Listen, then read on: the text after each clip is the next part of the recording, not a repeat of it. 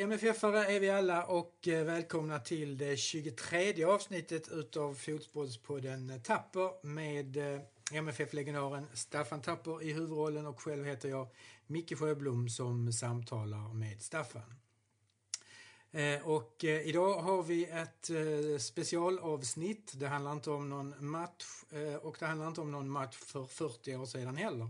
Men det handlar om en spelare som spelade i högsta grad Eh, under, under eh, Europacup-äventyret 78-79. Och eh, det handlar om Bosse Larsson och eh, den bok som eh, Staffan och jag och fotografen Anders Ros gjorde och som vi släppte här i början på året.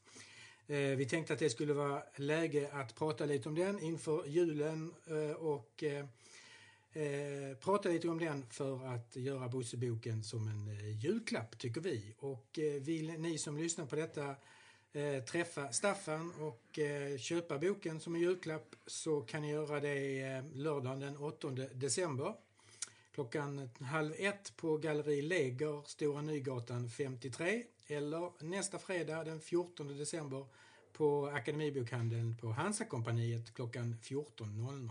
Annars så går boken att köpa i MFF-shoppen eller på akademibokhandlar runt Malmöområdet. Eller så går den också att köpa på nätet naturligtvis. Ja, Staffan, vi har gjort en bok om Bosse Larsson. Vi började för, för, för ungefär ett, ett, år sedan. Men varför en bok om, om Bosse? Vad säger du? Ja, jag tyckte det var viktigt själva, rent personligen, när frågan kom och när vi började jobba med det för över ett år sedan. Att, eh, en hyllning till en av våra absolut största fotbollsspelare skulle vara på sin plats.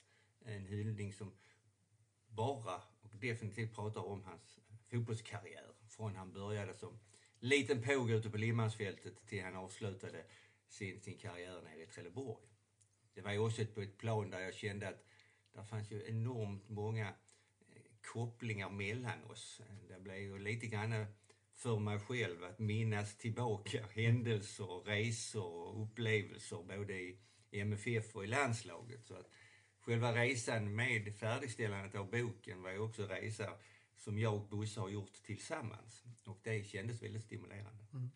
Ja, och på tal om resa så, så efter att vi har pratat om den här boken och bestämt oss för att göra den här boken så gjorde vi tre som har tagit fram den här boken en, en resa ner till Stuttgart. Det var där den, den, började. Det blev en speciell resa både för oss och för dig. Ja, men det var det. Stuttgart ja. är ju ett eh, ställe som förknippas mycket i min fotbollskarriär. Eh, där Busses tre fantastiska proffsår och för mig själv som var nära att bli proffs i Stuttgart efter äventyret 74 där den berömda straffmissen kom fram. Så att där fanns ju många kopplingar och eh, minnen att titta tillbaka på mest av det positivt. Det har pratats mycket om den här straffen men jag brukar alltid skoja och säga att hade jag inte missat den så är det ingen som vetat vem jag var. Men det kanske jag överdriver lite. Mm. Det var ju också en straffdramatik överhuvudtaget när, mellan Bosse och mig. Va? För att vi var två spelare som slog många straffar. Och, eh, Bosse slog in fler straffar än mig, det är helt klart. Och inte minst då de avgörande straffarna. Det är ju det är inte så svårt att slå en straff om man leder med 5-0, där är fem minuter kvar. Mm. Eh, däremot i en situation i Stuttgart i en VM-slutomgång där man ligger under med 1-0 så det är klart, där är en bit som har med nerver och sådant omedvetet att göra. Och där kanske man skulle ha facit i hand och gå tillbaka så hade ju Bosse gjort en avgörande straff mot Österrike i Gelsenkirchen eh, när vi tog oss dit. Mm. Sen missade han en träningsmatch mot Schweiz. Och eh, det skulle man kanske gjort så istället att det skulle man inte tagit hänsyn till och sagt att han kan fortsätta slå straffar. Så hade man nog gjort idag. Va? Ja.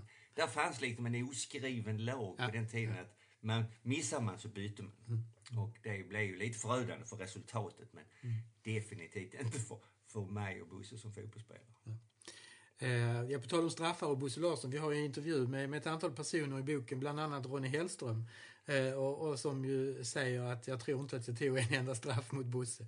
Eh, alltså, som spelare, det är inte bara straffarna. Bosse är ju eh, otäckt effektiv mm. som fotbollsspelare. Och däribland är ju straffarna också. Va? Och han, han användes ju väldigt mycket i fasta situationer. Eh, hörnor bland annat var han väldigt skicklig på. Man brukar alltid prata om Busses skicklighet att skruva in hörnorna i mål. Och jag har alltid liksom sagt emot det och menar på att eh, eh, han var skicklig på att lägga hörnorna i de ytorna där det skulle komma spelare och så vidare.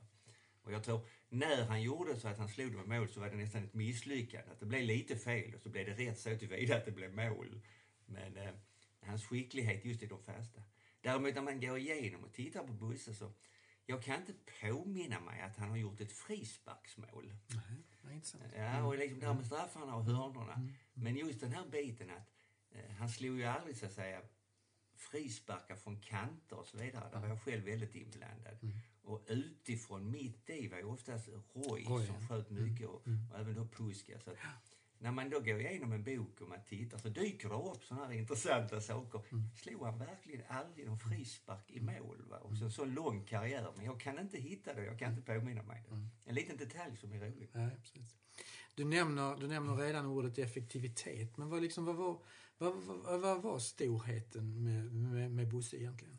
Det framkommer ju mycket av de intervjuer som vi gör. Va? Det är många som använder ordet enkelheten. Att göra något enkelt kan ju vara väldigt svårt. Eh, det är ju lätt eh, i dagens fotboll också, och även gårdagens, att man vill överarbeta eller kanske överdriva.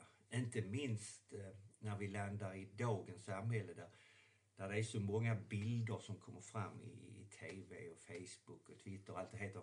Där man kan se och följa på nära hand hur människor agerar eller spektakulära mål och det lobbas och frisparkar och bicykletas. Men den möjligheten fanns ju inte där heller. Va? Utan där, där, där ser man en effektivitet. Och det kanske är så att de spelarna kommer inte fram längre. Va? För att de vill så att säga medialt, de blir inte lika intressanta. För att det bara är ett tillslag och så mål. Det är bättre om de dribblar tre, två bicykletas, stolpen ner och så målkamera och så är det mål. Då blir det ju en större effekt av händelsen på något vis. Va? Och det ligger lite i tiden. Va? Och jag tror inte Bosse hade varit så att säga den här mediala personen idag i fotbollen. Eh, Det visar sig att, eh, att han hade inte tyckt om det heller. Nej. Så oerhört, alltså jag får inte intrycket av en sån oerhört effektiv och oerhört fokuserad liksom fotbollsspelare. Nu, alltså innan träningen var det, ja, ska jag gå ut och träna? Men när han väl var där så var det 110 procent och likadant på matchen. Det var liksom ja, väldigt, väldigt avskalad, effektiv och fokuserad på det han skulle göra. Liksom. Ja, egentligen så skulle eh, psykologer och eh, vetenskapsmän undersöka alltså den typen av effektivitet hos en människa Ja. som kan vara så avslappnad innan och lite, kan man tycka, se lite loj och ointresserad ut av allting som var innan och efter.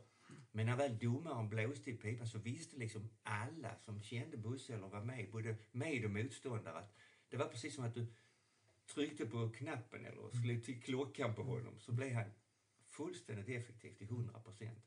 Och det var i, i alla situationer. Vi får inte glömma, detta är även på, på träningarna. mm, att när, precis. när väl träningen kom igång eller tränaren Bob här som vi hade i många år sa någonting vi skulle göra och definitivt om det blev någon tävling där vann han alltid. Det fanns inte möjlighet att slå honom. Då hade han bestämt sig bara. Och just det här effektiviteten också. Och han kunde ju också bli arg och förbannad om liksom han upplevde att någon av de andra inte gjorde det. Eh, Det var liksom inte att någon som inte brukar allvar och så visa det för Bosse då, då small det på träningen. Då blev han förbannad. Då kunde han säga till och ryta till att jävla nonsens. Liksom att vi spelar, vi tränar som vi spelar. Då kunde han också smälla på ordentligt liksom. Det gällde då att träna med benskydd alltid så att inte det hände någonting. Så att han var ju en, väldigt professionell och effektiv spelare. Och det jag säger nu, det jag, jag kan förstå sen när man själv slutar, man blir lite tränare i småklubbarna och man såg det från en tränares vinkel så, ja, man skulle vilja ha hur många Bosse Larsson som helst. Mm, mm. Det fanns ju en film som, som Bosse Larsson spelade, och du också var med i. Många fotbollsspelare var med i. Det, det är ju den här filmen Fimpen, på tal om att vara fokuserad och effektivitet och så. Ja, det är många anekdoter som har kommit fram här under bokens skapande, men du måste berätta den på tal om att fokusera när, när Bosse spelar eh, kort med, med, med Fimpen. Ja, men då är vi på träningsläger, måste jag säga, 1972 tror jag det är, på Madeira. En fin, fantastiskt vacker sommarö ute i Atlanten som tillhör Portugal. Och eh, då är Bo Widerberg håller på med den här Fimpen-inspelningen. En film om en, en liten pojke som, som blir stjärna väldigt tidigt i sitt liv, tio år eller någonting. I Hammarby, ja. I Hammarby. Och sen landslaget. Och, och då Widerberg han har fått tillstånd att filma vid träningsläger, matcher och landskamper. Det är ju totalt, eh, ja, det finns ju inte en möjlighet att skulle få göra det i dagens läge. Och det är nästan så att även då frågar man sig, ska, ska vi verkligen ha en tioårig pojke med oss in i omklädningsrummet till matcher? Men Åby var väl snäll och Widerberg var påträngande och eh, det blev det så. Bland annat spelades det in på träningsläger på Madeira. Och då ville Bo Widerberg som då regissör, han ville ju ha en lite autentisk när vi inte spelar och när vi pausar för träningen, när vi vilar. Så kom man underfund med att jag och Christer och Bosse, vi spelar lite kort. Mm. Tyckte om att spela kort, Bosse. Och då menade han, då kunde han vara med i Fimpen och spela lite. Så vi satt på balkongen och han satte fram mick och filmning och så skulle vi spela in, jag kommer inte ihåg vad typ av poker vi spelade på något vis. Och vi satt där och det är rätt så svårt, alltså man är ju inte skådespelare, inte någon av oss. Bosse var ju, tyckte inte alls detta var roligt, var väldigt irriterad, märkte jag på honom. Och meningen var att man, man, ni skulle egentligen bara fejka och spela. Ja, det spelar ingen roll hur det gick. Liksom. Men vi spelade ett spel där och ett, två, tre så märkte man att, att han, den här lille pojken, han, mm. han fuskade lite. Mm. Och jag såg på Bosse att han blev förbannad. Så ett, två, tre så säger han till henne, sluta med sånt jävla trams. Alltså, här spelar vi kort och spelar vi ordentligt. Och då blev ju lite tryckt stämning. Va? Det enda som uppfattade det som fantastiskt, det var ju Bosse Widerberg. Ja. Alltså, som regissör, åh oh, det är fantastiskt och bra att leva med och så vidare. Och då var Bosse förbannad. Sånt jävla nonsens vill jag inte vara med på. Ska vi spela, spelar vi ordentligt. Och så gick han i princip. Så han fick inte någon omtagning på det heller. Det, det, det, är ju en bild av Bosse ja, precis liksom. Ja, att, så, vad det var, var det en tävling man ställde upp, mm. man gick in, man gjorde sitt bästa ja. och det var liksom inget mellanting så att nu spelar vi att vi gör ja. det halvbra. Utan antingen eller. Ja. Och det, det, är ju, jag menar jag har levt med Bosse i fotbollen i så, så många år och bott ihop och rest och familj och allt. Mm. Mm. Just när vi arbetade med boken, man fick tänka tillbaka i sådana här små anekdoter. Alla har vi inte kunnat ta med men nej, en otrolig personlighet. Mm. Ja, fantastiskt, det är en otrolig, en otrolig story. Eh, vi har ju också det här lite, lite grann fotbollens eh, Greta Garbo. Eh, alltså så dominerande och stark eh, på, på plan men sen utanför och framförallt efter sin karriär väldigt tillbakadragen. Eh, liksom, några tankar kring det? Det fanns ju inte den mediala så bevakning Nej. som finns idag. Nej. Man måste tänka det också lite grann, mm. att det var annorlunda. Mm. Eh, det var en mjukare bevakning mm. också. Va? Idag är ju kameran och mikrofonen väldigt nära. Mm. Man filmar ena inne hos mm. folk och mm. uttalande direkt efter matcher väldigt snabbt kan, kan ju bli fel och i stridens hetta. Va? Eh, Bosse överhuvudtaget, han, han ställde gärna upp i intervjuer och, och TV och det här men det var liksom ingenting som han tyckte om, att vara i rampljuset på det viset. Han, eh, han tyckte bäst om när ja, matchen var slut och man åkte hem till Anita och Karina och så mm. man en bit mat och man såg lite TV. Frun och dottern, ja. ja. Eller, eller så att vi gick ut tillsammans med våra familjer, eller vi mm. reste tillsammans, för då trivdes han. Han tyckte inte om det, han tycker inte om när det kommer okända faktorer in i mm. bilden som han inte känner igen. Han tycker om när det är som det alltid har varit. Och det, det är ju en del av honom. Det märker man i hans liv. När han var i Stuttgart exempelvis. Vi var där nere. Han skrev ju tvåårsavtal. De förlängde ett år till honom. Men sen märkte de ju på honom. Han, han märkte själv och vi andra att nej, det, det räckte så att säga. Nu ville han hem. Och eh, hem var ju för honom, det var, det var ju klubben och staden och miljöerna som han kände igen grabbarna som han kunde prata med, eller kunde, ville prata med på ett annat sätt. Han trivdes i Stuttgart och han var ju jättepopulär. Men så brukar jag ju skylla på, på Karina eh, och Anita att de ville hem. Jag brukar alltid skoja med honom. Det var, det var inte de, det var du själv som ville hem. Så att säga. Varför skit i dem så att säga. Det, ja, nej, tycker jag. Men, nej, men det räckte för honom på något mm. vis. Och det är också en bit i honom. Att, mm. mm. Det här med att, ett uttryck som man säger, det räcker räcker. Mm, mm. Jag behöver inte tjäna mer pengar. Det, det, det räcker för mm. mig. Va? Det är andra värderingar än, än den biten. Jag behöver inte uh, resa och, skriva böcker eller filma mitt liv eller någonting. Det, det, det, det räcker för mig. Jag är nöjd med det. Och det är det jag tycker är hans storhet också. Om vi pratar Greta Garbo-biten i hans eh, mystiken som man kanske använder. Utan det är egentligen att han är precis som han alltid har varit. Han är, och han, han kanske inte kan förklara det exakt att jag är den eller jag står för det utan han bara är den han är och han är Bosse Larsson. Ja, det är var det någon, eh, kan du peka på någon skillnad liksom, honom som spelare innan han åkte till Stuttgart och när han kom tillbaka? Eller var det liksom samma... Ja, Har det hänt någonting? Ja, skillnaden är ju liksom att jag tyckte när han kom till Tyskland så fick de tyska tränarna kanske ut mer av honom. Alltså tränarna var mer drivna att, att utnyttja och exploatera och så att säga, göra han ännu bättre. Man värvade honom som kedjespelare och eh, man såg ju då att det fanns ju andra användningsområden. Man skolade om honom till mittfältare och där var han ju otroligt effektiv i det spelsystemet som många tyska lag spelade. Då man spelade man mot man. Och eh, när man sa till Bosse exempelvis att du har ansvar för den och den. Och där är ju en god artikel i, i eh, vad heter den tidningen nu? Kicker heter den, den tyska, ja, tyska tidningen. där. Ja. eh, Wolfgang Overath, en av stora spelarna i VM-laget 74, uttalar sig att nästa år ska jag inte spela mot Stuttgart för jag spelar inte mot Bosse Larsson fler gånger. Det, det är ju sådana här uttalanden som egentligen inte finns. Alltså, man kan inte gå ut och säga så någonstans. nej. För det är liksom fullständigt eh, ja, horribelt egentligen. Ja, nu är det kanske Kicker är också en sån lite som Bildzeitung-tidningarna, Ja, att de kan eh, överdriva. Jo, jo. Men det fanns ju ändå någonting bakom Mm, det. Att man hade liksom blivit så nerplockad av Bosse. Mm. Så att det, det kändes att jag ville inte spela mot han fler gånger. Mm. Och då kan man ju se den här biten. Och det innebär ju också att Bosses storhet var ju just att man kunde använda honom på så många områden. Han spelar ju mittback och mittfält och kedja både i MFF och landslaget i tävlingssammanhang, i Europacuper, i landslag och så vidare. Så att när tränarna efterhand då väl kom underfund med, liksom, som Bob kom hit här, va, så förstod man ju att det fanns en, en enorm kapacitet att utnyttja. Det var bara utnyttja vid rätt tillfälle. Jag menar Bob, Europacup-äventyret. Ena dagen spelade han mittback, nästa gång spelade han i kedjan, spelade han på mittfältet. Och, det är som många av tränarna har uttalat sig man vill egentligen ha 11 Bosse Larsson och eh, det kunde man inte få. Men, men sen var jag ju solidarisk i de här bitarna också. Ifrågasatte aldrig liksom att Bob sa till dem, idag ska du spela mittback Bosse. Ja, sa han. Så han med med det, så gjorde han så bäst han kunde. Nästa vecka, jag ska spela kedja Bosse. Ja.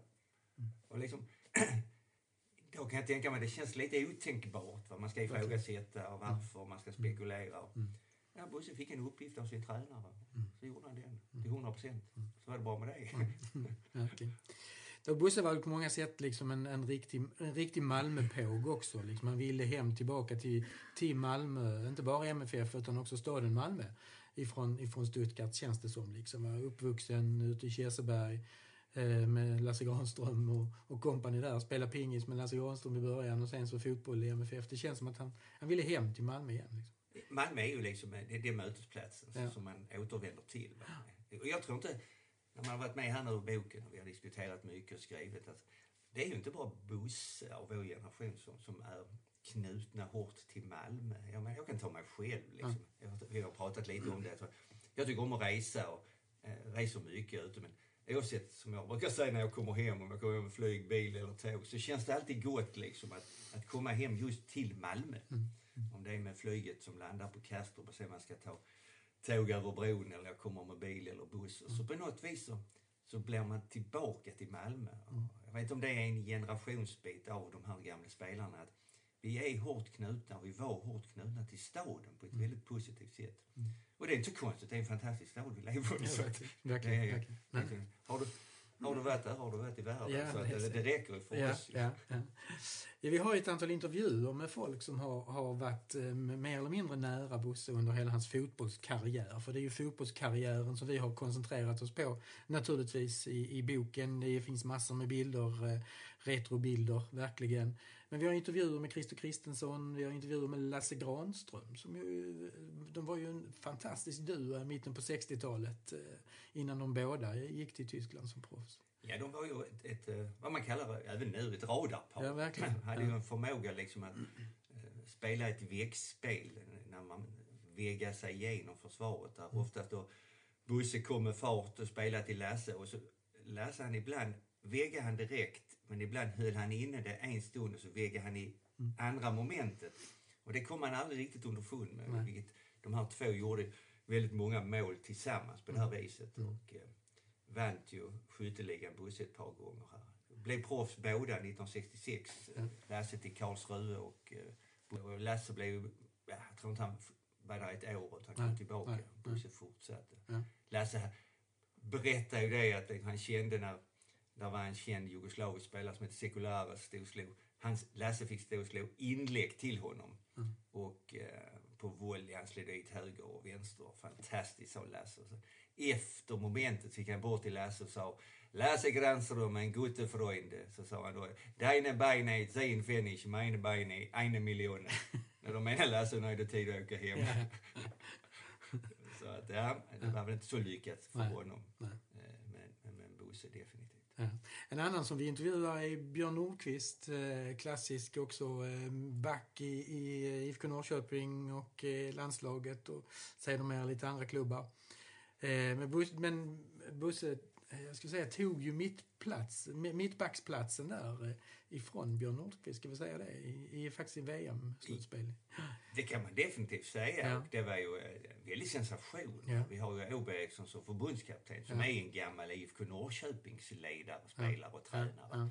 Och till första matchen i VM så petar han Björn Nordqvist så att eh, Bosse spelar eh, mittback eller libero tillsammans med Kent Karlsson. Och eh, det var ju en jättesensation Mm. överhuvudtaget. Eh, lite svårhanterligt på den tiden. Eh, Man är ju väldigt nära varandra och väldigt goda vänner. Mm. Idag kan det kännas lite grann ändå man det finns mer ego i fotbollsspelaren idag, rätt eller fel, jag bara konstaterar det, än vad det var på den tiden. Men Björn Nordqvist också som oerhört professionell fotbollsspelare som har varit proffs och så ute i Europa. Han accepterar detta också så att säga och ändå gör sitt bästa i gruppen för att sedan komma in igen. Mm. Och eh, det är ju beundransvärt. Det skulle kunna vara att det blev en schism mellan spelarna, tagit min plats eller någonting. Mm, precis. Men definitivt inte. Så att det blev ju också en spelare som, som påminner lite grann om, om Bosse. Eh, Inte i karaktären, men som spelare. Att alltid göra sitt bästa när väl signalen kom igång. Mm. Och eh, väldigt uppskattad och, och eh, fantastiskt trevlig person, måste jag säga. Mm, ja, eh, några glimtar ifrån boken var det. Har du någonting annat som vi tycker vi ska ta, ta upp här? Eh, som vi... Ja, vi skulle kunna sitta här Ja, i flera timmar och prata, Prata om om boken boken. om Bosse. Ja, ja. hur mycket som helst. Det ska vi kanske inte göra. Utan, eh, det, det är ju intressant tycker jag. Det är ett dokument också om en fantastiskt fin fotbollsspelare. Mm. Detta är ju en bok som är eh, lite tyngre än de vanliga. Det får vi inte I, glömma. I dubbel I bemärkelse. dubbel bemärkelse, ja. Ja. Det är en tung bok. Jag vet inte hur många kilo. Jag vet, man, ska man bära mer än en så Ja. får man ha hjälp nästan. Nästan. så att, eh, ja. eh, en benämning som vi kallar coffee table-bok. Ligga framme lite grann, Ja. rätt så stor. Så att, eh, Ja. kan väl tycka intressant som en fantastiskt fin julklapp att, att kunna rekommendera årets julklapp Ja, precis. 2018. Tack för det Staffan och tack för den lilla anekdoten där med, med Fimpen. Underbar beskrivning av Bosse Larssons sätt att fokusera på spel, vad det, än- vad det än kan göra. Eh, men som sagt, eh, vi spelar in detta fredag den 7 december och imorgon då, den 8 december halv ett på Galleri Läger, Stora Nygatan 53, kan ni både lyssna på Staffan som pratar en halvtimme om boken och eh, signera den. Den 14 december, nästa fredag, så är Staffan på Hansa-kompaniet, Akademibokhandeln, klockan två. Och i övrigt så går den att köpa på MFF-shoppen eller på Akademibokhandlar i Malmöområdet. Eller på nätet också. Eh, ja, stort tack Staffan. Tack Vi hörs igen på eh, Lucia. När det är sista matchen för säsongen. Sista matchen för säsongen, ja.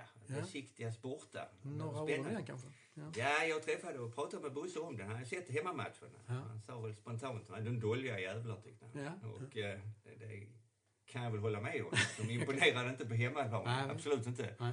Däremot vet vi om, och det vet Bosse också, att eh, det är ett helt annat lag när vi kommer Ja. till Turkiet. Ja. Spännande. Vi har chansen. Vi måste vinna. Men eh, det är alltid roligt när det gäller. Ja, absolut. Stort tack. Tack är själv. Staffan. Tack, hej. Hej. Vi segrar skall men inte falla De orden bör vi alltid minnas Och ni ska se hur lätt det går Vi står som en för klubben alla Vi segrar skall men inte falla